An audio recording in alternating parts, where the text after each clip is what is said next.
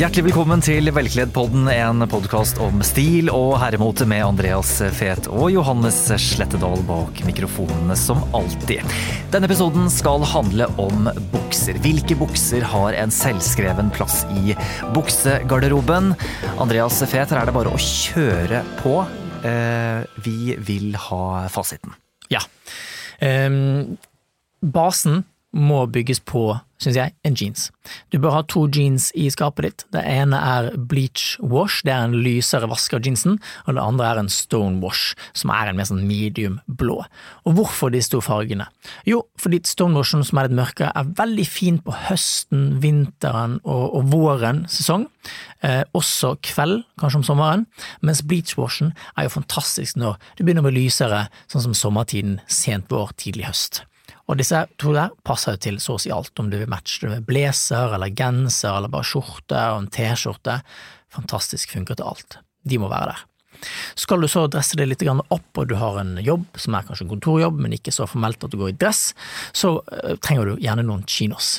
Um, chinos er jo en bomullsbukse av en solid farge. Jeg ville gått for en blå, som base, og så kanskje også en type beige kaki-farget, bare for å bryte litt opp. Da igjen har du en blå som passer fint på vinteren og litt mørkere tid, igjen litt mer formelle settinger, og så har du en litt lysere som passer til sommeren og kanskje litt mer casual, men det er likevel pent. Og igjen, supert å kombinere dette her med skjorte og genser og blazer, eh, sportsjakke-looken. Så videre er vi på dressbuksen, den ultimate separate dressbuksen du kan ha, er en middels grå dressbukse i ull. Eh, og hvorfor i ull? Det er fordi at det er den perfekte hele året. Den puster, eh, og den er også litt sånn varm om vinteren, men så puster den om sommeren. Grå er jo også fordi at det kan kombineres med alle andre farger. Har du den klassiske blå beseren, så er jo det et ultimat klassisk look, rett hakket under dress på formalitetsskalaen. Og den passer også utmerket til fint til skjorte- og genser-looken, som er jo den kanskje go to eh, på jobb.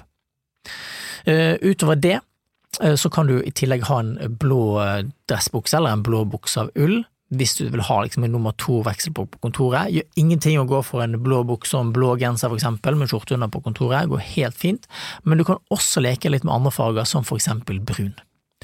Da har du i hvert fall to ullbukser i skapet, som er en god base å ha. Så eh, bygger vi litt videre. Da har vi kommet til eh, sommeren, eh, og linbuksen er jo ikke til å komme unna, er et veldig elegant plagg og fint plagg å eie. Velg den gjerne i en lyse farge som beige eller ekru, lyse blått, hvis du er kanskje litt spenstig. Jeg synes lyse blått kan være veldig fint, men kanskje litt sært. Men jeg har selv også en litt mørkere blå linbukse, som jeg synes er veldig fint å kombinere med med veldig mye forskjellig. Går igjen superfint skjorte, overshirts, T-shirts osv. Eh, det som er viktig å nevne faktisk på både linbuksen, men også denne grå ullbuksen som er basen i garderoben, ta den gjerne med turnups, altså med opprett nederst. Da syns jeg buksen står litt bedre alene.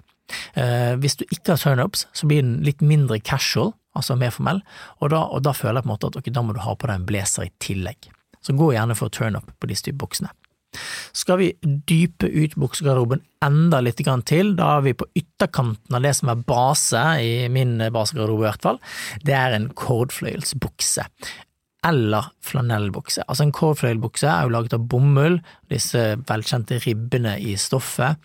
Helt supert casual, pent plagg på eh, vinteren eller vinterhalvåret som regel litt tykkere stoff, og, og, passer godt i dette tidsrommet. Kårfløyel er ikke noe du tar på om sommeren, og det er heller ikke flanellbuksen.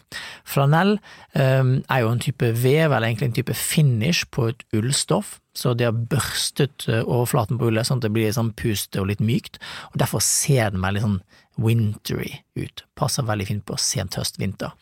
Eh, den bør være ganske tykk, for det er flanell, fordi det er børstet, så er det litt eh, slitt, så du må ha en tykk kvalitet sånn at det skal vare. Og der har du egentlig basegarderoben for bukse kort oppsummert. Og da teller jeg fem buksekategorier, ikke sant, bare for å oppsummere for lytterne nå. Vi snakker jeans, chinos, dressbukser, sommerbukser, da typisk linbukse, og da til slutt cord- eller flanellbukser. Du nevnte litt ulike fargevarianter innunder hver kategori. Jeg klarte å telle ca. ni bukser totalt, hvis man skulle ha de ulike variasjonene. Det er klart, det er mange bukser, likevel så er jo bukser helt essensielt i en garderobe.